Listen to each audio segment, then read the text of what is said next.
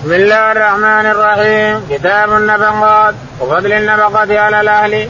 من قوله تعالى ويسألونك ماذا ينفقون? قل العفو كذلك يبين الله لكم الآيات لعلكم تتفكرون في الدنيا والآخرة. وقال الحسن العفو الفضل قال حدثنا بن أبي قال حدثنا شعبان بن سعد أنه قال سمعت عبد الله بن يزيد الأنصاري عن أبي مسعود الأنصاري رضي الله عنه فقلت عن النبي صلى الله عليه وسلم فقال عن النبي صلى الله عليه وسلم قال إذا أنفق المسلم نفقة على أهله وهو يحتسبها كانت له صدقة. يقول البخاري رحمه الله كتاب الصدقات النفقات. النفقات يعني انتهينا من الطلاق وما يلزمه من الأبواب. واتى رضي الله عنه بالنفقات. أن الإنسان إذا أنفق واحتسب على الله هذه النفقة يعني نوى أجر من الثواب ان الاجر من الثواب من الله تعالى وتقدس وطلبه من الله فإنه يثاب. حتى اللقمة تشيلها المرأة إلى فمها لك ثواب الإنسان فيها. يقول البخاري رحمه الله حدثنا وفضل النفقة على الأهل. وفضل النفقة على الأهل وعلى الأطفال وعلى كل من في بيتك وعلى الضيوف اللي يجونك الإنسان كله النيه نية الاحتساب على الله. أن لي أجر. في هذه النفقة اللي أنفقها لاجر وأحتسب هذا الأجر من الله تعالى وتقدس كله يكتب لك حسنات. كل ما تفعله يحسب لك حسنات النية هي اللي تفعل لك كل شيء. نعم. قول الله تعالى ويسألونك ماذا ينفقون؟ قول الله تعالى ويسألونك ماذا ينفقون؟ قل العفو. يعني الزايد الفضل. العفو الزايد الفضل. وأن تنوي وجه الله والدار الآخرة. نعم. ويبين الله لكم الآيات ويبين الله لكم الآيات والله لعلكم تتفكرون لعلكم في الدنيا تتفكرون في الدنيا والآخرة. فيسألونك عن اليتامى لك نعم. وقال الحسن العفو الفضل قال الحسن البصري العفو قل العفو يعني الفاضل الزائد. نعم. قال حدثنا آدم بن أبي ياس. قال البخاري رحمه الله حدثنا آدم بن أبي ياس قال حدثنا شعبة. شعبة. قال حدثنا عدي بن ثابت عدي بن ثابت قال عن عبد الله بن يزيد الأنصاري عن عبد الله بن يزيد الأنصاري قال عن أبي مسعود الأنصاري عن أبي مسعود الأنصاري رضي الله عنه قال النبي صلى الله عليه وسلم قال إذا أنفق المسلم نفقة على أهله وهو يحتسبها كانت له صدقة. يقول أبي مسعود الأنصاري رضي الله عنه أن النبي عليه الصلاة والسلام قال إن المسلم إذا أنفق نفقة على أهله يحتسبها عند الله كانت له أجر عند الله تعالى وتقدس نعم. ربنا ما يضيع شيء. جواد كريم رؤوف رحيم ما يضيع شيء. كل شيء تفعله يكتب لك. قال رحمه الله دثنا إسماعيل قال دثنا مالك عن الزناد عن الأعرج عن أبي هريرة رضي الله عنه أن رسول الله صلى الله عليه وسلم قال قال الله تعالى أنفق يا ابن آدم وأنفق عليك. يقول البخاري رحمه الله حدثنا آدم. آدم. قال حدثنا حدثنا إسماعيل. إسماعيل. قال قال حدثنا مالك. قال حدثنا مالك. قال عن ابي الزناد عن الأعرج. عن ابي الزناد عن الأعرج عن أبي هريرة رضي الله تعالى عنه أن النبي عليه الصلاة والسلام قال نعم. قال الله تعالى أنفق يا ابن آدم وأنفق عليك قال الله تعالى الحديث قدسي أنفق ابن آدم انفق عليه. أنفق كثر الإنفاق ينفق ربك عليك أكثر وأكثر. نعم. قال رحمه الله دثنا يحيى من قزعة قال دثنا مالك عن ثور بن يزيد عن أبي القيس عن أبي هريرة رضي الله عنه قال قال النبي صلى الله عليه وسلم السعي على الارمله والمسكين كالمجاهد في سبيل الله أو القائم الليل والصائم النهار. يقول البخاري رحمه الله حدثنا يحيى بن قزعة يحيى بن قزعة قال حدثنا مالك مالك قال حدثنا ثور بن يزيد. ثور بن يزيد قال عن أبي المغيث. عن أبي المغيث قال عن أبي هريرة. عن أبي هريرة رضي الله تعالى عنه أن النبي عليه الصلاة والسلام قال الساعي الساعي على الأرملة والمسكين. على الأرملة والمسكين. أنا كهو كذا في قصة أنا وهو كهذا. جمع بين الوسطى والسبابة.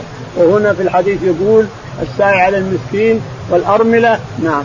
كالمجاهد في سبيل الله. كالمجاهد في سبيل الله. يعني له أجر المجاهد في سبيل الله. انظر المجاهدة الله كريم فضله أن يطلع نيته وتكون كلمته العليا كلمة الله العليا وكلمة الذين كفروا السفلى. يجاهد في ماله وبدنه. نعم. المجاهد في سبيل الله. وكالقائم الليل الذي لا يفطر. وكصائم النهار الذي لا يفطر. يعني له أجر صائم الليل قائم الليل كله. وأجر صائم النهار كله وأجر المجاهد في سبيل الله. قال رحمه الله حدثنا محمد بن كثير قال أخبرنا سفيان عن سعد بن إبراهيم عن عامر بن سعد عن سعد رضي الله عنه قال كان النبي صلى الله عليه وسلم يعودني وأنا مريض بمكة فقلت لي مال أوصي به. قال قلت لي مال أوصي بمالي كله. قال لا. قلت فالشطر قال لا. قلت فالثلث. قال الثلث كثير. قال الثلث. والثلث كثير أن تدع ورثتك اغنياء خير من أن تدعهم عالة يتكففون الناس في أيديهم ومهما أنفقت فهو لك صدقة حتى اللقمه ترفعها في امراتك ولعل الله يرفع ولا الله يرفعك ينتفع بك ناس ويضر بك آخرون. يقول البخاري رحمه الله حدثنا محمد بن كثير. محمد بن كثير قال حدثنا سفيان. سفيان قال حدثنا سعد بن إبراهيم. سعد بن إبراهيم قال عن عامر بن سعد. عن عامر بن سعد بن أبي وقاص عن أبي سعد بن أبي وقاص رضي الله تعالى عنه أنه مرض مرضا شديدا في مكة وهم في مكة مرض مرض شديد. فزاره الرسول عليه الصلاة والسلام فقال يا رسول الله أنا لي مال كثير كثير مرة كثير وليس لي إلا بنتك اليوم ما له إلا بنت بس بعدين جاء 11 ولد قال ليس لي إلا بنت. فاتصدق بمالي كله قال لا إنك إن تذر ورثتك أغنياء خير من أن تذرهم عالة يتكففون الناس بأيديهم. يا رب يا كريم يا رب يا كريم. اتركهم أغنياء أغنياء لا يتكففون الناس. قال يا رسول الله قال يا رسول الله أوصي مالي أوصي بمالي كله قال قال يا رسول الله أوصي بمالي كله قال لا. قال فالشطر قال لا. قال فالثلث قال الثلث بعد الثلث كثير. الثلث كثير. إنك ان تذر ورثك أغنياء خير من أن تذرهم عاله يتكففون الناس يسألون الناس يسألونهم. نعم. قال ولعل الله يرفع بك. ولعل الله يرفع. كمل الرسول عليه الصلاة والسلام ما حصل بعد ذلك من علوم الغيب. لأن الرسول هذه من علم الغيب.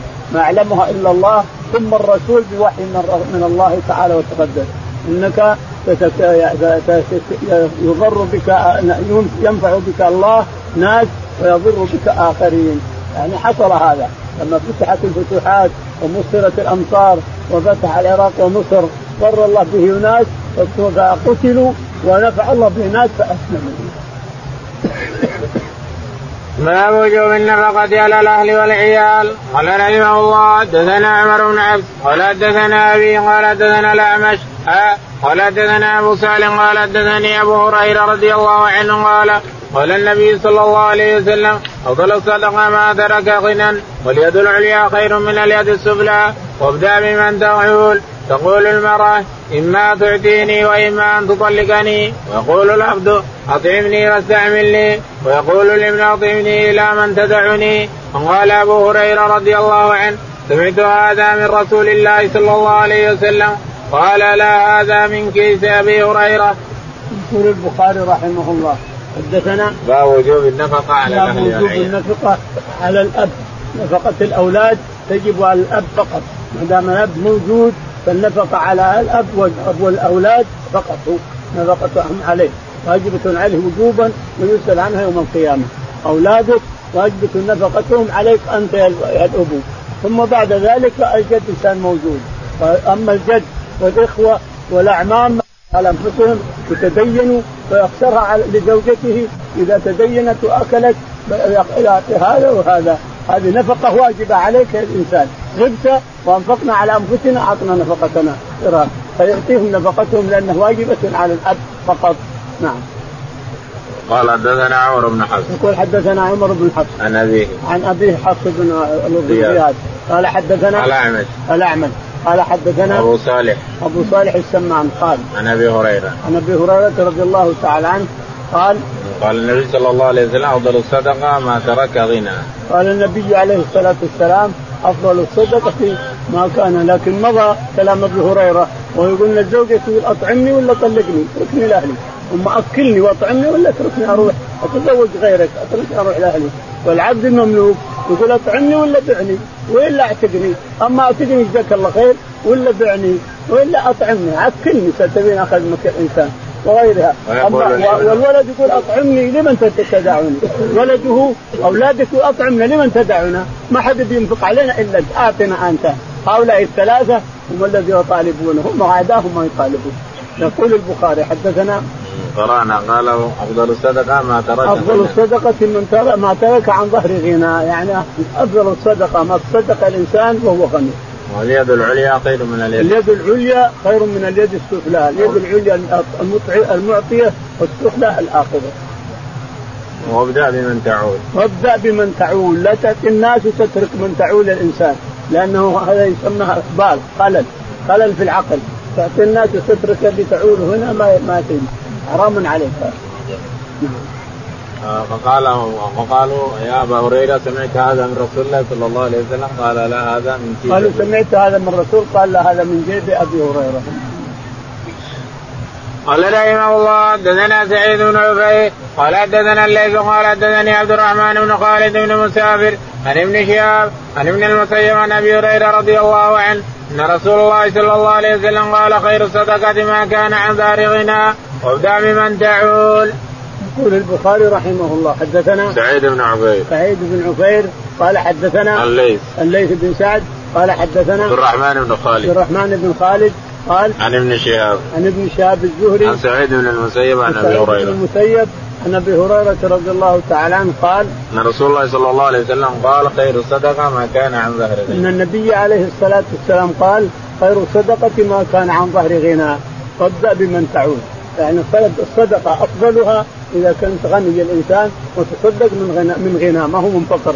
لأن الفقر قد تحتاج الإنسان الصدقة اللي تخرجها قد تحتاجها لك ولعيالك. إنما الصدقة عن ظهر غنى هي اللي ما تحتاج نعم. باب لبس نفقة الرجل قوت السنة على أهله. وكيف نفقات العيال؟ قال حدثني محمد بن سلام. قال أخبرنا وكيع عن ابن عيينة. قال قال لي معمر قال للثوري هل سمعت في الرجل يجمع لأهله قوت سنة أو بعد السنة قال معمر فلم يحضرني. ثم ذكرت حديثا حدثناه ابن شهاب الزهري عن مالك بن أوس عن عمر رضي الله عنه إن النبي صلى الله عليه وسلم كان يبيع نقل بني النضير ويحبس لاهله قوت سنتهم. يقول البخاري رحمه الله حدثنا باب حبس نفقة الرجل. باب حبس نفقة الرجل لأولاده وأهله شهر شهرين ثلاثة أربعة تحبس تحبس عندك الإنسان أموال لتنفق بها على أولادك وعلى زوجتك وعلى غيرهما. فالرسول حبس نفقة زوجاته سنة كاملة من نخل بني النظير بعدما استولى عليه بدون قتال. ما وجدتم عليه من خير ولا ركاب. ولكن الله يسلط رسله على من يشاء. فصارت شيئا لله ورسوله. بس ما ما قسمت بين المسلمين. بقيت الله فكان يأخذ من ثمرتها شيء ثمرة يحبسها سنة كاملة لزوجاته ولأقاربه عليه الصلاة والسلام عليه الصلاة والسلام. وكيف نفقات العيال؟ وكيف نفقات العيال؟ كيف تنفق على عيالك الإنسان وعلى الزوجة؟ قال حدثني محمد بن سلام. حدثنا محمد بن سلام قال حدثنا وكيع. وكيع. قال حدثنا ابن عيينة. ابن عيينة سفيان. قال حدثنا قال ابن عيينة قال لي معمر قال لي الثوري هل سمعت في الرجل يجمع لأهله قوت سنته؟ أو بعد السنة. قال لي قال ابن عيينة قال لي معمر. سفيان قال لي من؟ معمر. معمر. قال ابن راشد قال قال للثوري هل سمعت قال للثوري هل سمعت نفقة الإنسان أن يحبسها يحبس النفقة؟ يقول فلم يحضرني شيء. هذا سفيان بن عيينة هكا الساعة. قال معمر. معمر يقول لم يحضرني شيء عن النبي عليه الصلاة والسلام هكا الساعة. لكن جاءني الحديث بعدين تذكرت له أن النبي كان يحبس نفقة زوجاته سنة كاملة فهو أكبر دليل. قال رحمه الله حدثنا سعيد بن عفيف قال حدثنا الليث قال حدثني عن بن شهاب قال أخبرني مالك بن أوس بن الحدثان وكان محمد بن جبير ابن مقيم ذكر لي ذكرا من حديثه فانطلقت حتى دخلت على مالك بن أوس. فسالته فقال مالك انطلقت حتى ادخل على عمر اتاه حاجبه يرفع فقال هل لك في عثمان وعبد الرحمن والزبير وسعد يستأذنون؟ قال نعم فأذن لهم. قال فدخلوا وسلموا فجلسوا ثم لبث يرفع قليلا فقال لعمر هل لك في علي وعباس؟ قال نعم فأذن لهما. فلما دخل سلم وجلس فقال عباس يا أمير المؤمنين اقض بيني وبين هذا. قال الرهط عثمان أصابه يا أمير المؤمنين. اقض بينهما وارث أحدهما من الآخر.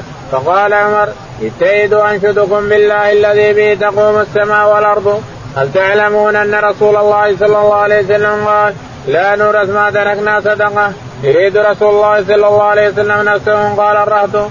وقال ذلك؟ فأقبل عمر وعلى علي وعباس. فقال أنشدكما بالله هل تعلمان أن رسول الله صلى الله عليه وسلم قال ذلك قال قد قال ذلك قال عمر فإني أحدثكم عن هذا الأمر. إن الله كان حظ رسوله صلى الله عليه وسلم في هذا إن الله كان قص رسوله صلى الله عليه وسلم في هذا المال بشيء لم يعطي أحدا غيره. قال الله تعالى ما افاء الله على رسوله منهم إلى قوله قدير. فكانت هذه خالصة لرسول الله صلى الله عليه وسلم. والله ما والله ما اعتادونكم ولا استاثر بها عليكم لو اعطاكمها وبثها فيكم حتى بقي منها هذا المال. وكان رسول الله صلى الله عليه وسلم ينفق على اهله نفقة سنة من هذا المال. ثم يأخذ ما بقي فيجعله فجعل ما لله. وعمل بذلك رسول الله صلى الله عليه وسلم حياته. أنشدكم بالله هل تعلمون ذلك؟ قالوا نعم. قال لعلي وعباس أنشدكما بالله هل تعلمان ذلك؟ قال نعم. ثم توفى رسول الله صلى الله ثم توفى رسول الله صلى الله عليه وسلم وقال أبو بكر أنا ولي رسول أنا ولي رسول الله صلى الله عليه وسلم فقبض أبو بكر يعمل فيها بما عمل به فيها رسول الله صلى الله عليه وسلم. وانتما حينئذ واقبل على علي وعباس تزعمان أن أبا بكر كذا وكذا. والله يعلم أنه فيها صادق بار راشد تابع للحق. ثم توفى الله أبا بكر. فقلت أنا ولي رسول الله صلى الله عليه وسلم وأبي بكر فقبضتها سنتين أعمل فيها بما عمل رسول الله صلى الله عليه وسلم وأبو بكر. ثم جئتماني وكلمتكما واحدة وأمركما جميع.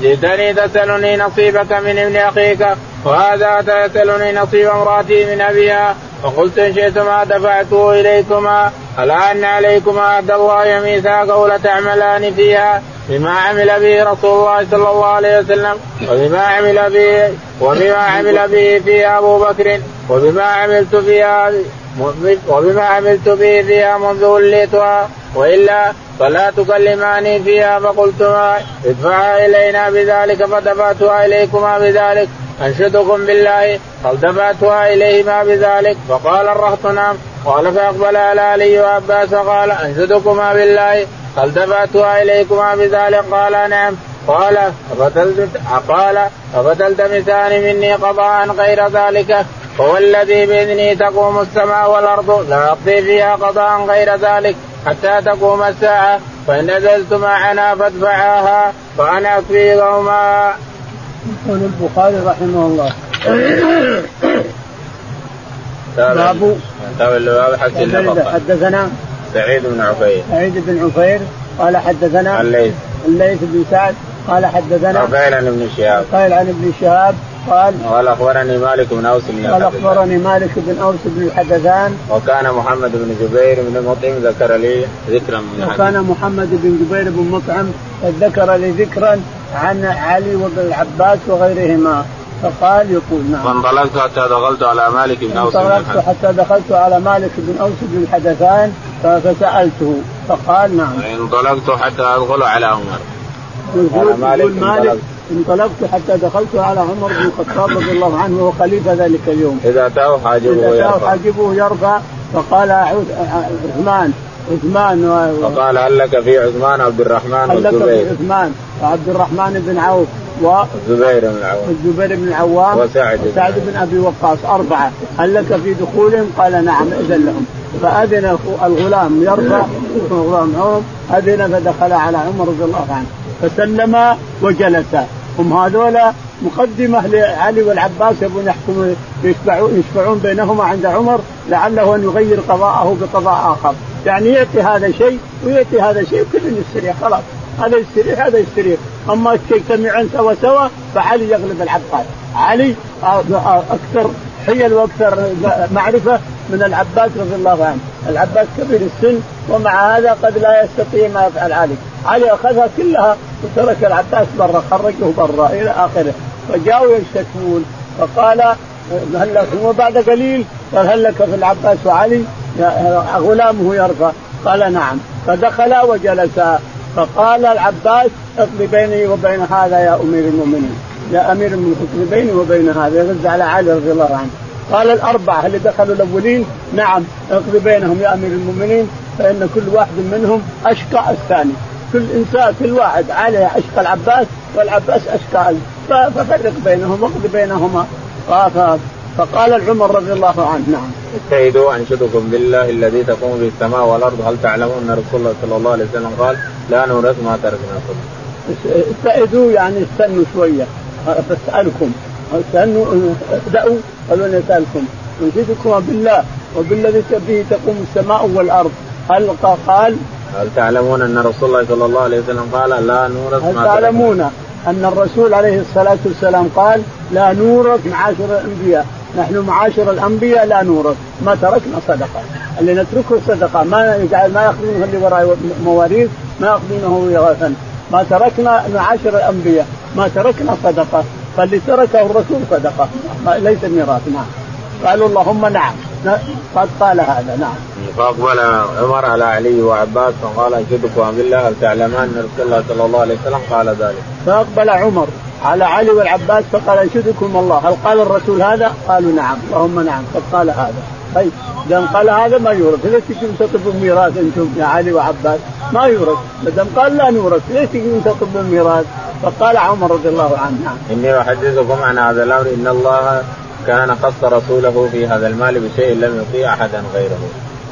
يقول عمر رضي الله عنه إن الله اختص رسوله بشيء لم يختصه لغيره ومع هذا لما أخذ الرسول عليه الصلاة والسلام بني قريظة والحدائق اللي أخذها فقسمها بينكم يا بني هاشم بين أقاربه من بني هاشم قسمها بينكم وهو حي عليه الصلاة والسلام ولم يجعل منها ولم يختص منها أحد دونكم قسمها وفرقها بينكم قبل وهو حي عليه الصلاة والسلام نعم.